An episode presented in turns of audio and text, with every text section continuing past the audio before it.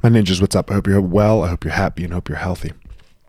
Um, and safe, obviously. I guess I shouldn't say obviously. Safe.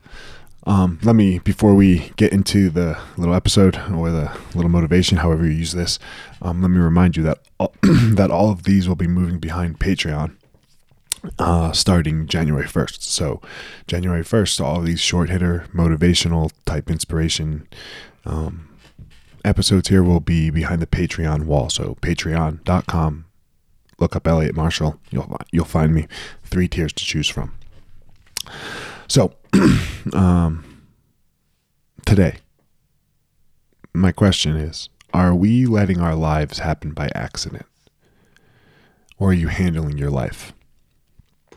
I think most of us would answer that question as we're handling. I'm, of course, Elliot. I'm handling my life. I'm doing my life. Um, what does that mean when we handle our life, when we walk through our life with intention?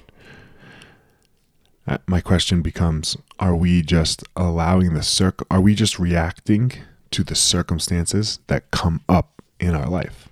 This happens, I do this, boom, boom. Like, are we just in this reactive mode? Constant reaction to people, events, things, the news, whatever it is. Or are we going through the day, through our lives with intention? If we say yes to the intention piece, when does it start? Is my question for us. At what point in your life is intentional and at what point in your life is not intentional?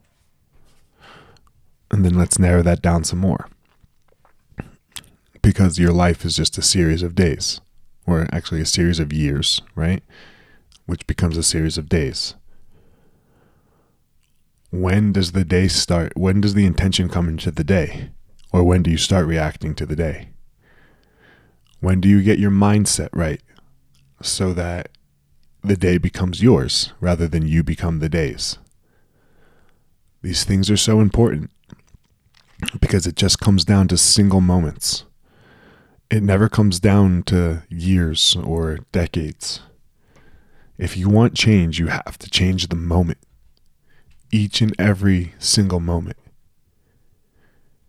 And you do that with preparing your mind and getting your mindset right so that you can go out there and find your power.